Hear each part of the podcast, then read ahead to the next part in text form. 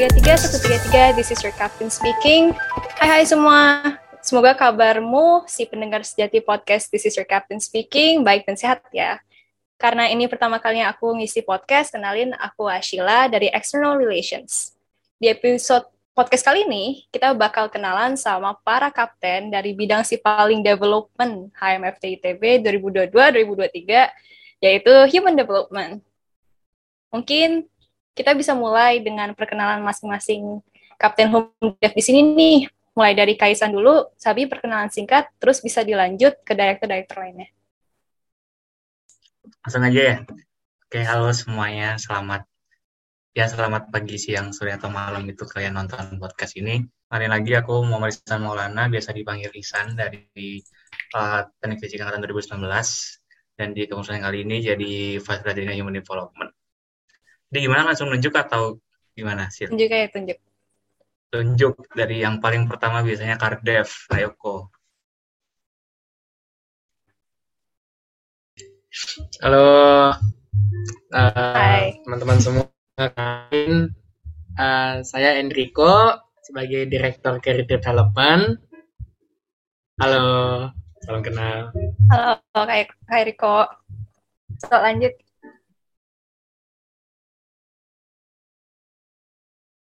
Uh, ya udah aku tunjuk deh Kak Ito.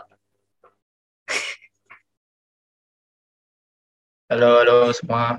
Kenalin, gue itu dari ya, sebagai Direktur Technological Studies BUMDEV. Uh, langsung tunjuk ya, Axel. Aku Axel dari Director Innovation Development. Oke, lanjut lanjut. Kak Raisal deh. Halo, halo. Uh, saya Raisal Paripta Wardana, biasa dipanggil Raisal atau Isal di sini sebagai Director dari Skill Development. Oke, terakhir Kak Iwan. Oke, eh, halo. Salam kenal semuanya. Kenalin gue Iwan Selain biasa dipanggil Iwan, uh, di sini sebagai Director dari Professional Development. Salam kenal semua. Oke. Eh udah semua kan ya? Aku takut miss deh. Belum ini ada dua yang belum kenalan, Devi aja sama Imade. Oh udah iya. Wah parah nih. parah nih. Emang perlu ya? perlu lah. Oh, perlu. Biar biar kan kenal juga. Oh iya, iya deh, ya kenalin lah. Halo, kenalin semua. Aku aku Mandira saya Putra Mas, bisa dipanggil Dera uh, sini jadi teknis guys lanjut ITB Devi boleh ITB Devi. Udah bukan ITB Devi. Oke deh uh, teman-teman Humdev kenalin uh, aku Devi. Di sini jadi timekeeper. Oke uh, Sabi lanjut aja nih. Uh, mungkin pertanyaan pertama itu buat Kaisan uh, lagi sibuk ngapain aja belakangan ini. Terus aku dengar nih dari um, temen aku kalau Kaisan lagi KP di Indramayu bareng Kaiwan ya. Bener gak? Benar, benar, benar. Nah, boleh tuh Kaisan sama Kaiwan bolehlah cerita betah nggak tuh di sana dan ngapain aja KP-nya? Oh, uh, masalah KP ya Pak dia. Gimana ya. Wan? Kalau dari aku sendiri sih sangat ini ya sangat menikmati perjalanan KP di sini, sangat uh, senang gitu dengan indahnya. Kan sebenarnya kita bukan di Indramayu ya di Balongan. Jadi Balongan tuh kayak kecamatan gitu lah di Indramayu. Di Balongan tuh suasananya sangat indah banyak uh, banyak debu itu ya. Waktunya kita sangat menikmati itu. Dan nggak nggak terpaksa sama sekali untuk kerja di sini gitu. jadi tiap hari itu aku senyum nggak ada cemberutnya sama sekali nggak ada mengeluh uh, ke Iwan. Orangnya aku harus pulang ke Bandung dan nggak ada kayak gitu satu kali pun keluar dari mulutku ya nggak sih Iwan? Iya benar banget, aku setuju dia sama Ya, aku betah banget sampai nggak pernah pulang ke Bandung selama KP. Nah, itu uh, secara garis besar ya. Dari aku, dari Iwan gimana, Wan? Kayaknya Iwan nggak betah banget kalau di Balongan. Aku udah betah banget, kan kayaknya aku nggak bakal balik ke Bandung. Ya, aku nggak mau. Aku mau KP extend dua bulan lagi deh, saking betahnya. Boleh, satu ntar kita ajuin ya. silakan. Iya gitu. Intinya mah sama kayak Isan ya. Gitu deh. Aku sebenarnya jujur gak tahu ini sarkastik atau enggak. Serius, serius ini Isan tuh kalau ngomong selalu jujur tahu. Aku percaya sama Isan. Parah deh. Ya, ya oke deh kalau gitu. Aku percaya aja. Eh, ngapain tuh KPI di sana? Mungkin Iwan boleh Iwan yang lebih memperhatikan selama KP karena aku main-main doang di sini. Tidak, ini eh, sederhananya aja ya, sederhananya ya HP-nya tuh bagian apa ya? eh, bagian nengok-nengok sebenarnya karena kita kan kebetulan kan Pertamina kan objek vital nasional ya. Jadi cara kita tuh di objek vital nasional terus pembimbing kita juga bilang kita nggak boleh megang secara langsung. Jadi ya ujung-ujungnya kita cuma melihat, kita nanya, kita ngamatin, kita baca. Jadi sebenarnya mah in a nutshell ya dua bulan ini ya kita gitu-gitu aja ngeliat, baca, nanya-nanya. Ini sih gitu mungkin kan kalau model lebih ditambahin nggak apa-apa. Biasanya Isan tuh paling sering nanya tahu gitu. Ya udah di Pertamina dapat gelar uh, mahasiswa PKL yang paling sering bertanya gitu ke dosen. Saking aktifnya aku di sana gitu. Ya, ini udah dijelasin Iwan secara garis besar ya. Jadi uh, ya kita sebagai mahasiswa PKL nya boleh bukan ya nggak nggak boleh buat megang secara langsung gitu karena berbahaya juga kan. Jadi ya udah cara kita men- me- menimba ilmu di sini adalah dengan bertanya. Gitu. Aku sering banget nanya kayak kayak sehari itu uh, dua pertanyaan gitu ke Iwan maksudnya bukan ke pembimbing Tanya ke Iwan Wan kapan pulang Wan Kan kita nggak mau pulang soalnya kamu gimana sih? oh iya benar kita harus konsistennya dari awal sampai akhir Iya ya betul. begitu lah Oke gitu deh. Oke, oke. Intinya kerjaannya nggak kepo-kepoin aja ya, sepertinya. Iya benar banget intinya mah itu. Kayak gitu. ya dan Tapi konsepnya proaktif gitu konsep Nah itu, proaktif itu deh istilahnya. untungnya Coba- Iwan proaktif jadi aku bisa ngekor Iwan aja Eh, apa sih yang em, proaktif itu bakal digunain banget sih di dunia kerja. Oke, eh, aku mau nanya Kaisan lagi nih. Motif jadi Vice President Human Development itu apa ya? Eh, ini ada ya di draft apa namanya draft muker sebenarnya ada tuh panjang cuma aku lupa motivasinya apa intinya pengen eh, cara singkat pengen ngelanjutin apa yang sudah dibawa sama Human Development sebelumnya gitu aja lah. Kalau dibanding Human Development sebelumnya, apa nilai plusnya nih? Nilai plus tuh yang dari yang sekarang lebih dari yang kemarin gitu. Iya, benar. Eh, yang paling kelihatan dari prokernya karena kalau kemarin kan BP-nya full online ya. Nah, sekarang udah mulai eh, kebiasaan lagi ke luring. Jadi beberapa poker juga kita plot untuk dilaksanakan secara luring gitu. Salah satu contohnya mungkin nanti bisa dibahas sama direkturnya masing-masing ya buat poker-poker yang ya sekiranya akan dilaksanakan secara luring. Itu pertama yang membedakan. Terus kedua dari sosial media sendiri kita merombak eh, desainnya menjadi lebih interaktif dan bagus lah intinya kalau kayak Tapi sebenarnya kalau masalah desain bukan dari Humdamnya sendiri sih dari pihak marketingnya tapi uh, atas re- atas request dari aku sendiri gitu. Itu kedua dari desain, ketiga yang bedain lagi kayak nggak ada deh udah. Paling uh, Fast President lebih keren dari yang kemarin aja. Maaf ya Mik, kalau dengar gitu ya. Eh, yang yang bikin Kaisan nyaman di Humdev tuh apa, Kak? Uh, dari yang sekarang maksudnya atau di keputusan kemarin? Yang sekarang?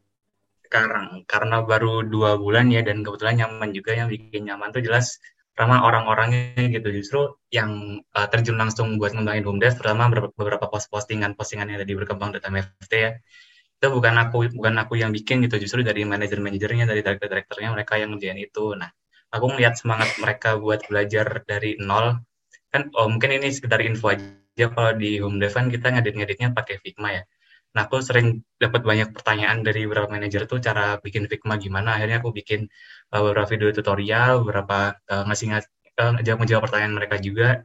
Dan dari itu aku ngeliat mereka tuh mau mau apa ya mau belajar gitu. Dan aku ngeliat uh, terlepas dari home dev juga, aku ngeliat orang yang mau belajar tuh kayaknya uh, seru banget gitu, satisfying ngeliat orang yang belajar dari nol terus tiba-tiba jadi bisa gitu. Nah, itu yang bikin aku suka aja sih ngeliat orang-orang yang tipikal kayak gitu. Semoga Kak Isan nggak ngekorin manajer-manajer dan direktur-direkturnya aja nih ya. Oke deh. Oh iya nih ada satu kan nih podcastnya nggak tahu didengarnya kapan nih. Intinya buat para pendengar coba di follow ya yang belum nge-follow berkembang.hmft dan di like postingan-postingan. Tuh, teman-teman jangan lupa follow ya. Aku sendiri kayak lupa sih. Parah sih. Parah, marahin saya, marahin saya. Kalau nggak mau lanjut podcast kita cek. Habis ini aku aku bakal stalking nih. Oke, em, kalau Kak Iwan nih eh, motivasi di professional development apa nih? Ini motivasi join Prof Dev atau motivasi jadi director Prof Dev nih? Soalnya beda. Eh, hmm, join. Join Prof Dev ya. Jadi eh, Ya. Mungkin sedikit background juga. Kebetulan aku tuh selama di BP, eh, bukan sama di BP ya, pokoknya selama aku jadi HMF itu aku selalu di Prof Dev. Mulai aku dari magang, staff sampai sekarang jadi director gitu. Jadi awalnya aku mau masuk Prof Dev tuh karena aku pikir kayaknya asik nih bakal bisa kenal sama keprofesian TF lebih dalam lagi gitu kan. Terus apalagi kan banyak banget ya kita denger di mana-mana tuh berita kalau TF tuh keprofesiannya nggak jelas gitu. TF tuh prospeknya simpang siur gitu kan, nggak ada kepastiannya gitu. Nah aku tuh terjun ke Prof Dev pada awalnya itu karena mikir apa emang eh, emang emang iya ya kalau misalkan Prof apa eh, TF tuh seenggak jelas itu keprofesiannya. Terus dari situlah aku belajar pas magang karena aku suka ya udah deh sampai sekarang lanjut jadi staff terus jadi director begitu intinya. I see, I see. Hmm. Berarti udah setia sama Prof Dev dari dulu ya? Udah dong, udah pilihan pilihan satu terus tuh selama daftar jadi staff-staff gitu pokoknya. Gitu deh. Yang bikin nyaman di Home Dev apa kak? Di Humdev atau di Profdev? Humdev ya berarti. Di Home Dev ah. Di Humdev ya.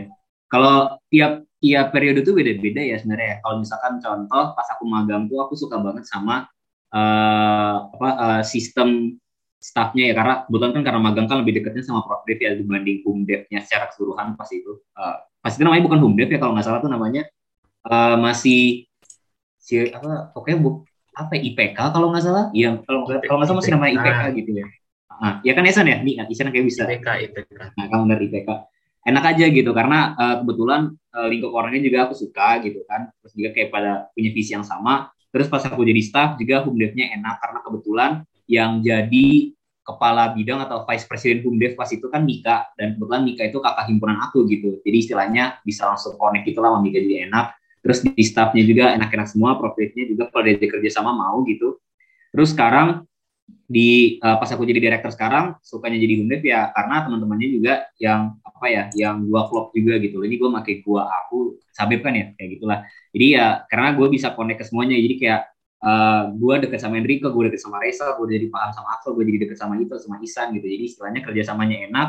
Terus orang-orangnya juga pada mau berkembang karena kan ditertibkan sama kita berkembang ya, humdev gitu. Jadi kayak gue suka sama lingkungannya. Intinya sih itu.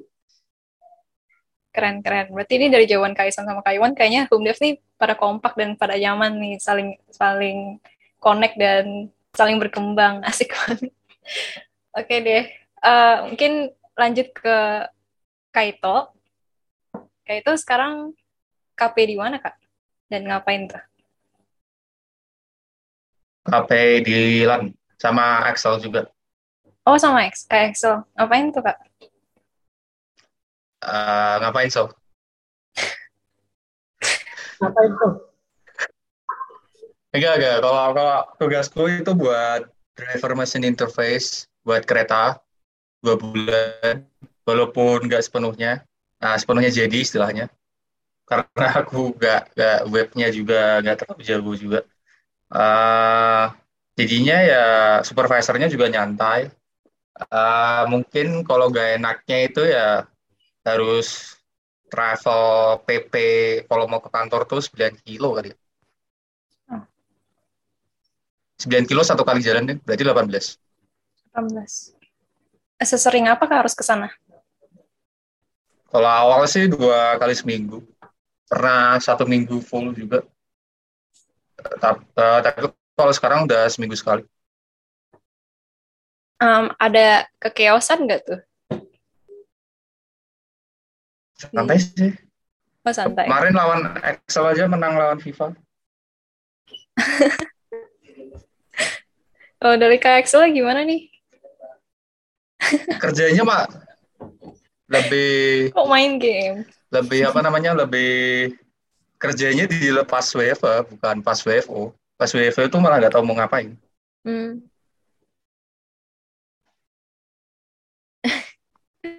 Oke deh, eh, mungkin aku juga mau nanya nih, eh, Kak itu kan di Tech Studies ya, motivasinya apa tuh di situ?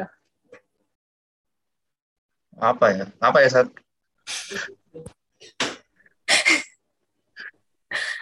ya kalau sebenarnya nggak khusus teks studies sih. Dulu eh gue tuh milihnya bukan teks studies juga tapi karena direkrutisan jadinya masuk teks studies.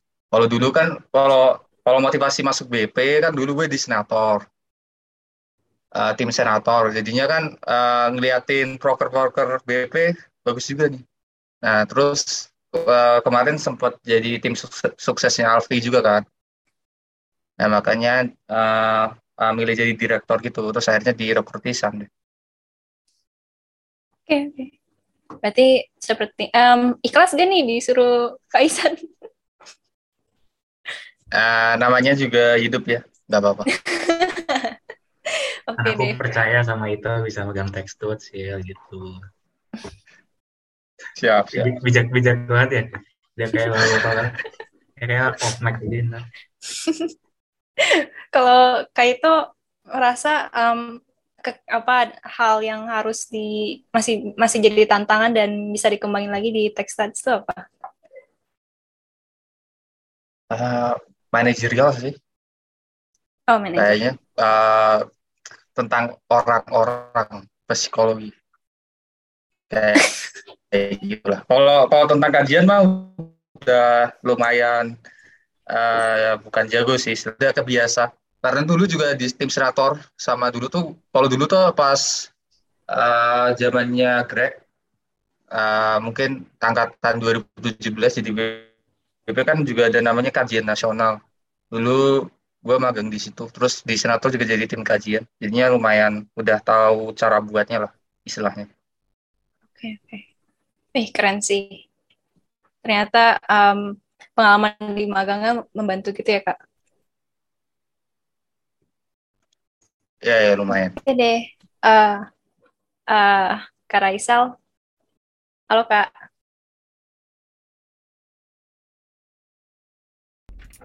Halo, halo, sorry, makan. Gue pesan ini ini mic-nya kedengeran banget sih high quality nih. Dia kayak ASMR gitu. Oke, em, kalau Kak Raisal kafe di mana dan ngapain tuh, Kak? Sekarang saya KP di Telkom Corporate University. Jadi dia itu kayak ya kasarnya kampusnya Telkom lah ya, tapi Telkomnya Telkom Korporat bukan Telkom Value. Di sini tuh eh, pusat risetnya Telkom. Jadi kalau sekiranya mereka ada ide, terus mau mereka coba sesuatu itu mereka lakukannya di sini. Nah, kalau pertanyaan ngapain, saya juga bertanya itu. Saya ngapain ya di sini? Em, di di mana itu? Di Bandung juga kan? Di Bandung, ya, di Geger Kalong. Gerlong. Oh, de- deket lah ya. Hmm, Hmm. itu. Kalau kalau Kak Raisal eh, motivasinya apa nih di skill development? Motivasi skill dev ya. Hmm, sebenarnya selama yang magang eh, mada, eh, magang himpunan sebelumnya itu saya gak bisa begitu aktif kan ya karena ya ada kesibukan dan sifatnya kan online ya. Jadi jatuhnya saya malah milih untuk ngambil kerjaan-kerjaan lain.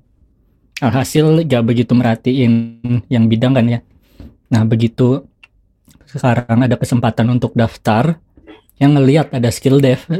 Sebelumnya saya nggak tahu kalau ada skill dev beneran. Jujur ini wah, belum tahu ada skill dev. Jadi waktu ngelihat itu pendaftaran, oh ada skill dev ternyata. Kayaknya cocok deh. Kan saya juga hobinya memang eh, apa namanya melatih-latih ya skill-skill gitulah.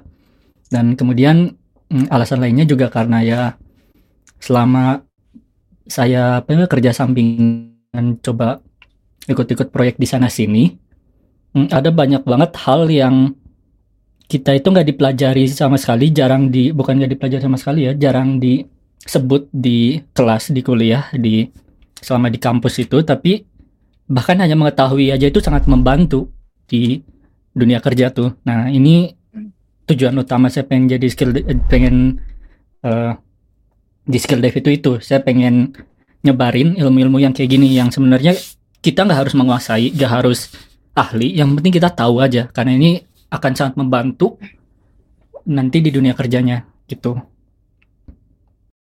Jadi ternyata sekedar tahu aja itu udah bantuin banget ya kak. Iya. Hmm. Um, ininya apa hashtagnya apa ya? Hashtagnya itu uh, apa sih lupa sih? Expertise imperative. Ah, ya. Oh. Expertise imperative. itu Hmm, artinya itu apa?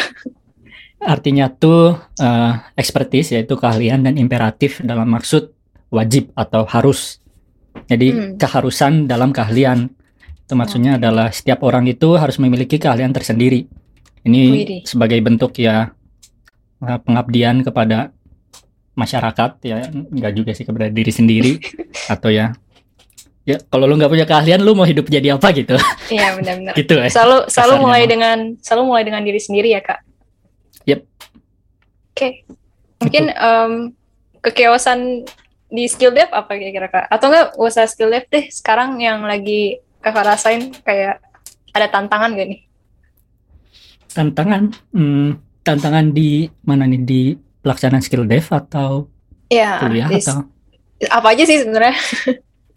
Kalau di skill dev ada tantangannya kalau di skill dev ya eh, jadi kan salah satu hmm, keinginan saya itu skill dev ya bisa mengembangkan keahlian mahasiswa TF secara keseluruhan. Tapi eh, ya salah satunya adalah dengan mengadakan kayak event atau acara pelatihan gitu. Cuman masalahnya adalah saya gak punya pengalaman menyelenggarakan yang kayak gitu secara offline dan anggota yang sekarang ada juga nggak punya. Jadi ke depannya kalau sekiranya yang skill dev ke depannya mungkin bisa bikin ya pelatihan secara offline kayak gitu yang memang hmm, benar-benar terencana Hmm, gitu ya. Em, kendalanya di itu ya pelaksanaan biar yang lebih efektif buat para anggotanya ya.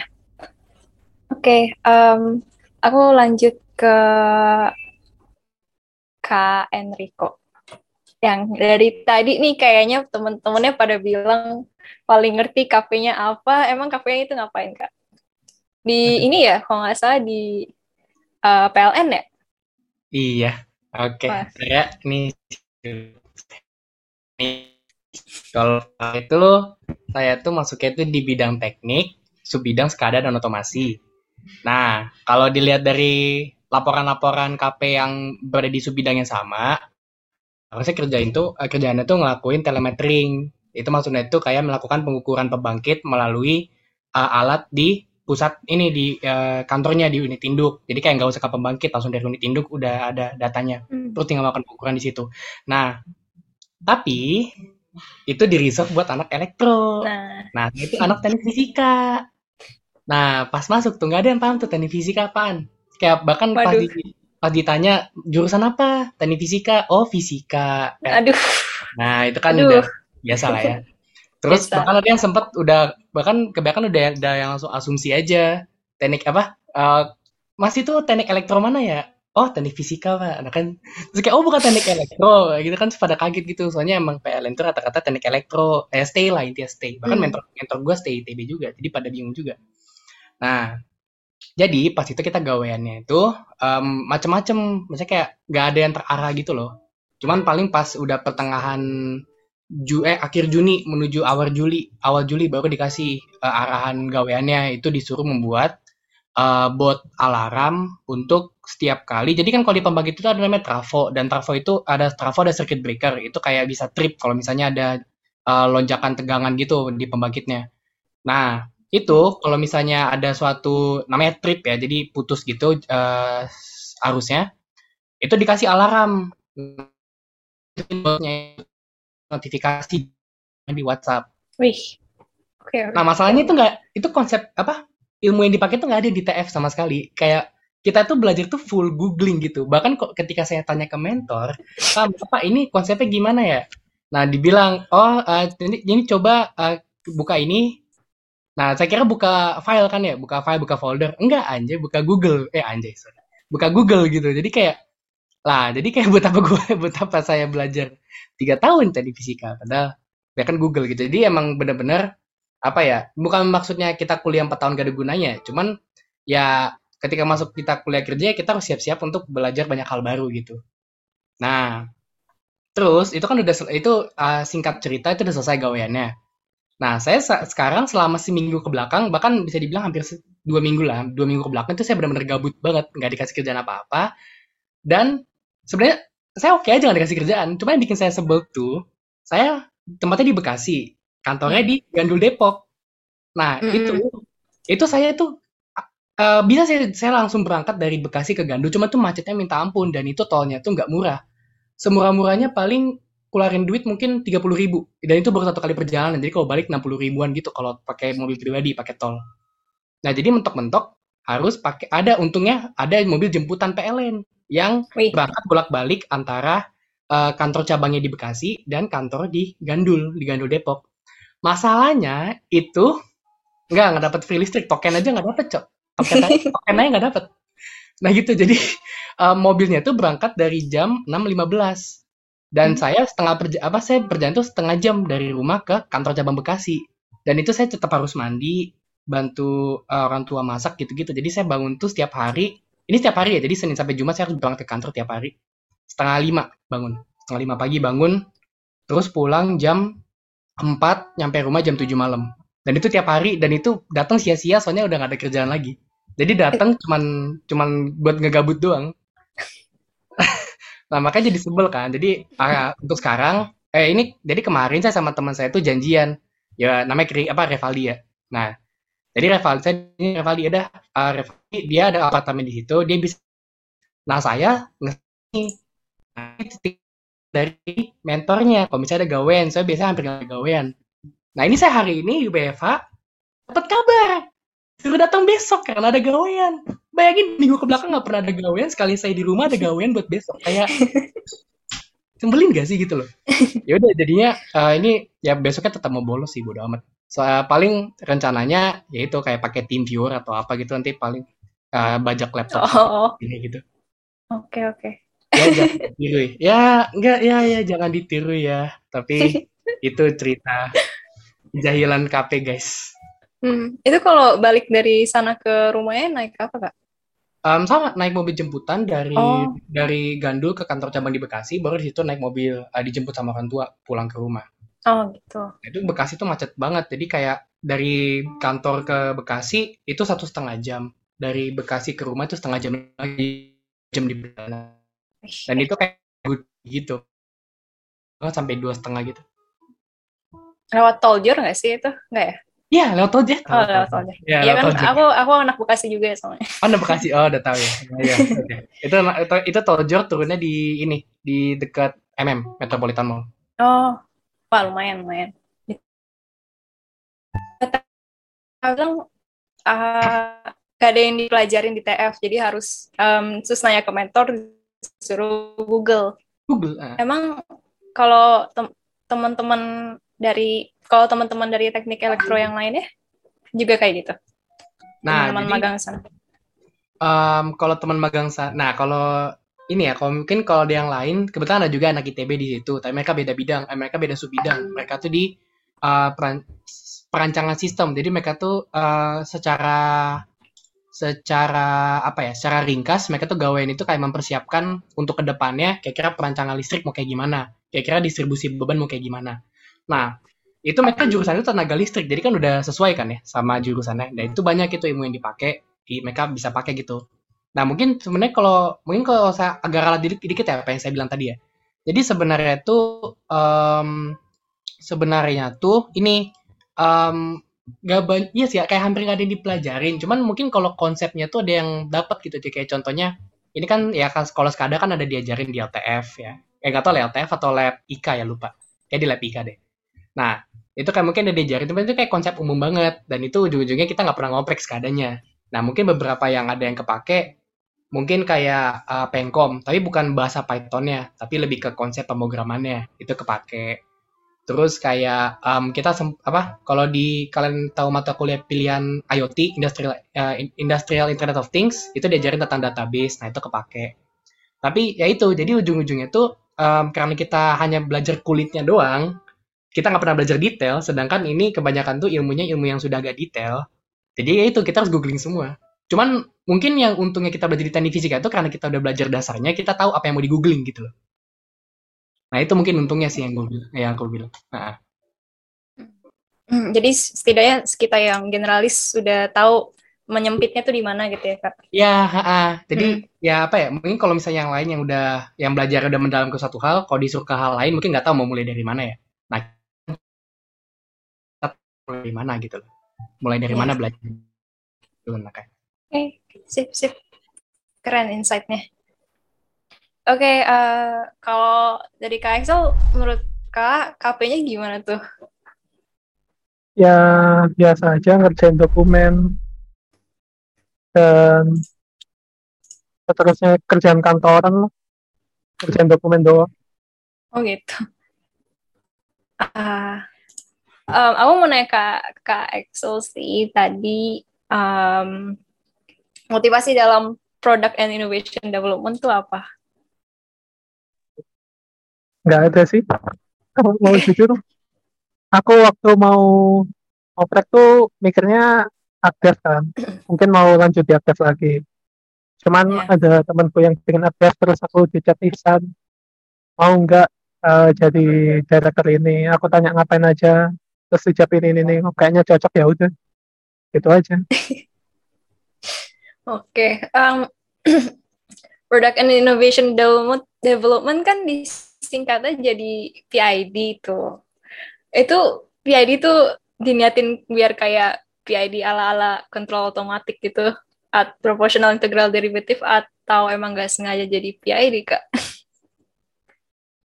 Ya ada unsur kesengajaannya juga soalnya kalau apa sih divisi lain kan enak nyingkatnya kayak academic development aktif singkat kalau product innovation development kan kepanjangan ya udah PID aja. Berarti kebetulan ya? Kebetulan. Oh, sekalian sengaja gitu biar TF banget. Um, buat KXL mungkin dibandingin sama dulu di Akdev, um, terus sekarang di Humdev, di Humdev tuh yang bikin nyaman apa kak? Cowok semua sih, jadi kalau ngobrol guyon lebih nyambung. Kalau dulu kan di Akdev itu aku satu-satunya manajer yang cowok di oh. departemen itu. Nah sekarang cowok semua jadi lebih enak aja hmm. ngobrol ngobrolnya. Bisa rumpi kalau dulu sama ibu-ibu gitu kan bisa rumpi. Sih ini di sini loh kerjaannya. Ya, cuma kan ada ya sering rumpi juga. Cuma kan ada guyonan yang nggak bisa nyambung kalau sama cewek. Ya, ya. Um, relatable sih itu pasti. Uh, kalau kekeosan Kak Excel yang sekarang lagi Kak Excel ini alamin apa Kak? Tantangan gitu. Uh, ya, soal PID kan dibanding aktif tuh dia keberjalanan prokernya tuh lebih banyak bergantung sama pihak eksternal. Kayak contoh HMFTOP kita bergantung sama demand dari klien, terus uh, apa ya? Apa aja sih HMFTOP terus guru guru nggak internal. Ya guru juga ada sedikit internal ada sedikit eksternalnya. Cuma ya itu sih karena kita bergantung sama eksternal jadi nggak semua variabel tuh nggak bisa uh, kita kendalikan semua. Nggak kayak di update. Kalau di update kan semua variabel bisa kita kendalikan. Itu sih tantangannya. Oke okay. oke. okay ya aku mau tahu nih harapan buat HMFT untuk satu tahun ke depan dari kakak masing-masing. Mungkin bisa mulai dari Kaiwan. Oke, agak kaget ya di tujuh pertama. Keren uh, harapan buat HMFT ya ke depan ya. Sebenarnya uh, sederhananya sih gini ya. Kebetulan kan kita bakal masuk bukan bukan bakal ya sebenarnya udah ya kita lagi transisi kan dari online ke offline lagi gitu dan memang tantangan itu banyak kayak misalkan uh, gua atau mungkin beberapa teman-teman lain di sini tuh merasa udah nyaman banget di online nih kita bakal pindah ke offline. Terus kayak banyak banget yang harus kita lakuin ulang karena di kepengurusan sebelum Alfi kita kan online semua ya. Jadi istilahnya ada banyak hal adaptasi. Jadi mungkin harapannya uh, semoga MFT bisa beradaptasi dengan baik ya bisa transisinya lancar juga. Apalagi kan banyak banget broker yang diharapin bisa berjalan secara offline tahun ini. Kayak misalkan sekolah sekolah kan sekarang udah offline lagi ya. Nah itu jadi uh, itu kan udah sekitar dua tahun lah berarti online sekolah sekolah gitu dan sekarang offline lagi. Dan tentunya broker BP juga yang lebih kompleks daripada sekolah sekolah karena satu tahun perjalanannya transisinya bakal lebih ribet lagi sih gitu jadi paling harapannya semoga masing-masing direktorat masing-masing direktorat ya mungkin ya masing-masing vice presiden juga tuh bisa melaksanakan transisi itu dengan baik gitu. Karena buat gue sendiri transisi itu bukan sesuatu yang mudah gitu ya. Karena kebetulan di ini jadi panjang nggak apa-apa ya sorry ya. Jadi karena kebetulan kan di Profdev sebelumnya tuh uh, semuanya online gitu. Dan sekarang Profdev itu bakal masuk ke ranah offline dan banyak banget penyusunan yang harus dilakuin. Dan uh, menurut gue direktorat lain juga pasti punya tantangan yang sama. Jadi ya paling harapannya biar semuanya bisa berjalan lancar biar semuanya bisa berjalan sesuai rencana. Karena ini semua kan untuk HMFT begitu Oke, keren banget sih. Yang penting ini ya apa um, semoga kita semua bisa uh, lebih lebih apa ya adaptasi terhadap transisi itu lebih baik lagi ya kak? Ya tuh intinya sih itu. Oke. Okay. um, kalau kak itu gimana kak? Bisa jawab nggak sekarang?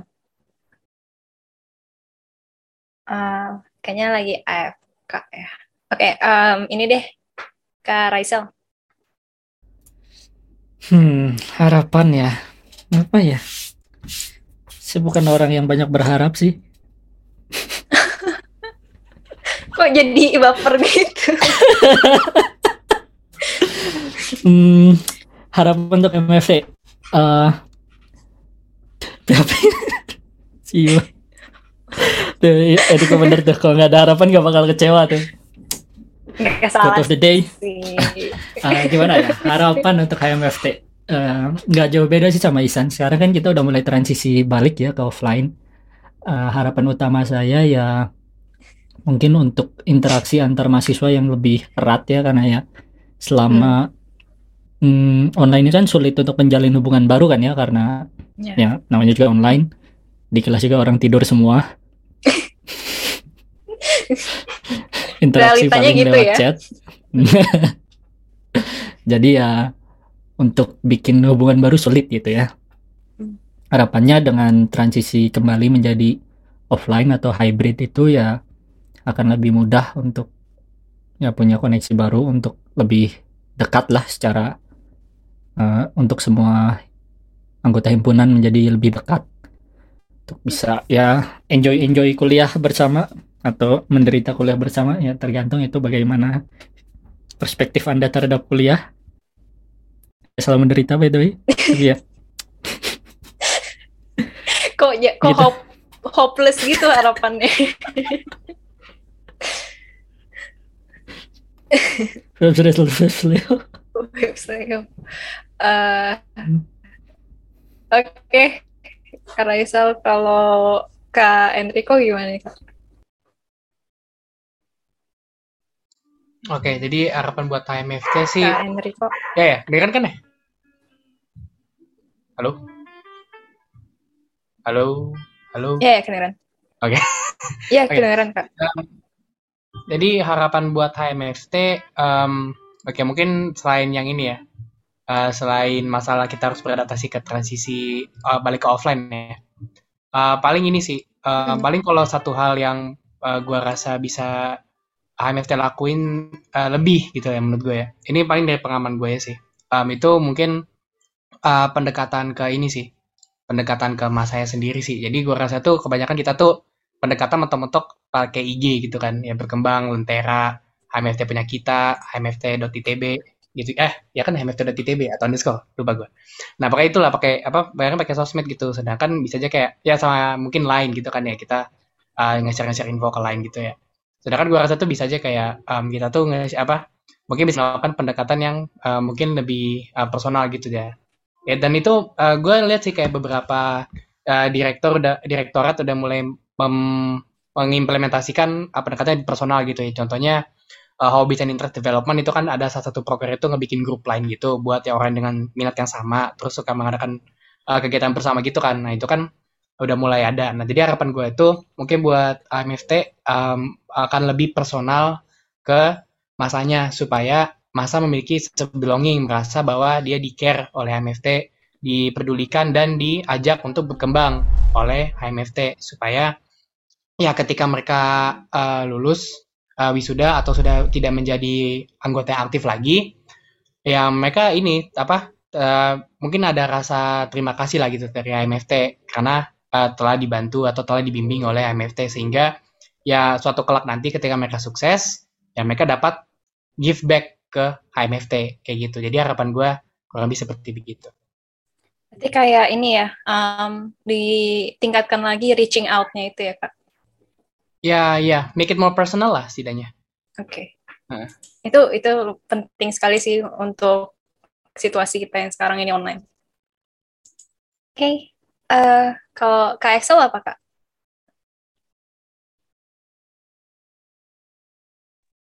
Kayak lebih ke masuk kan ya suaraku? Masuk masuk. Menyampaikan aja sih ke masyarakat umum, ke mahasiswa TPB seberapa kerennya TF. Ya, harap TFB bisa ngelakuin itu lah. Walaupun sebenarnya itu lebih ke tanggung jawab prodi ya, bukan tanggung jawab MFT. Tapi kan MFT lebih dekat secara sosial sama mahasiswa. Apa? Karena jujur dulu aku even setelah masuk TF tahun kedua, aku nggak tahu ntar bakal jadi apa. Kayak aku nggak tahu kenapa aku harus belajar matrek, kenapa aku harus belajar mencari nilai eigen, kenapa harus belajar Laplace dan sebagainya. Cuma begitu aku mau tahun ketiga selesai tahun ketiga mau tahun keempat kayak oh ternyata kita belajar materi tuh buat ini kita belajar cari nilai eigen buat ini. Ternyata bisa benar-benar ada pengaplikasiannya di dunia nyata dan ya menurutku kayak keren aja gitu. Ya itu sih. Berarti um, lebih kayak nunjukin kalau um, teknik fisika tuh berguna banget gitu ya kak ya ya itu Oke, um, terakhir dari si Vice President, apa nih harapannya buat HMFT? Kalau ada nama Vice President harus bijak gitu nggak atau boleh asal-asalan? ya sebenarnya singkatnya uh, sesuai mood aja kak. Ya sesuai stack yang aku bawakan still developing human balik lagi ke belakang kemarin uh, maksudnya aku membawa kembali aspek yang dibawa sama kepengurusan sebelumnya gitu jadi developing human. Harapannya dengan or, dengan adanya bidang ini human development baik internal HMFT maupun eksternal HMFT bisa merasakan impact dari proker-proker yang kita uh, lakukan gitu sebenarnya uh, kalau kalian sadari ya satu kalau misal kalian baca satu postingan aja di berkembang dengan NFT itu ada delta pengetahuan yang bisa kalian dapat dari postingan itu. Misal di wireless technology yang kemarin dibikin sama Raisa terus yang main Pertamina. Jadi kita bisa tahu kalau ternyata di Pertamina itu sebenarnya eh di pom bensin itu sebenarnya uh, boleh nggak sih uh, mengaktifkan HP gitu. Dengan dengan di situ kan kita dapat pengetahuan baru ya walaupun nggak sesignifikan itu. Tapi dari itulah uh, si delta delta pengetahuan itu yang membuat diri kita berkembang. Jadi secara nggak langsung si berkembang yang saya berkembang NFT Human Development udah membuat uh, orang-orang uh, yang menyimak uh, postingan kita juga udah berkembang. Gitu bisa mengembangkan orang-orang yang menyimak postingan kita. Secara langsung secara nggak langsung kayak gitu. Ini secara singkatnya ya itulah. Semoga apa yang dibawa sama bidang ini bisa di, bisa di, terjawab di akhir kepengurusan nanti. Ya jadi sepertinya semoga impact dari sosial media memberikan um, insight dan motivasi gitu ya untuk berkembang ya kak. Sama kayaknya sih agak-agak dibau bau promo berkembang .hmft nih. Boleh, boleh dipromoin.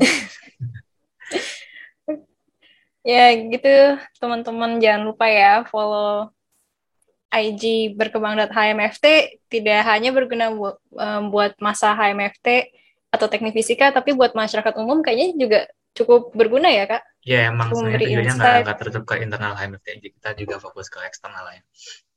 Yap, betul. Oke, okay, um, para kapten, kita sudah sampai di akhir episode. Banyak banget insight baru nih para developer simpunan kami ini. Terima kasih buat kalian yang udah dengerin podcast ini. Semoga bermanfaat. Aku Ashila pamit undur diri. 133 133 this is your captain signing out and see you on the next on the next podcast. Oke. Okay. Dadah.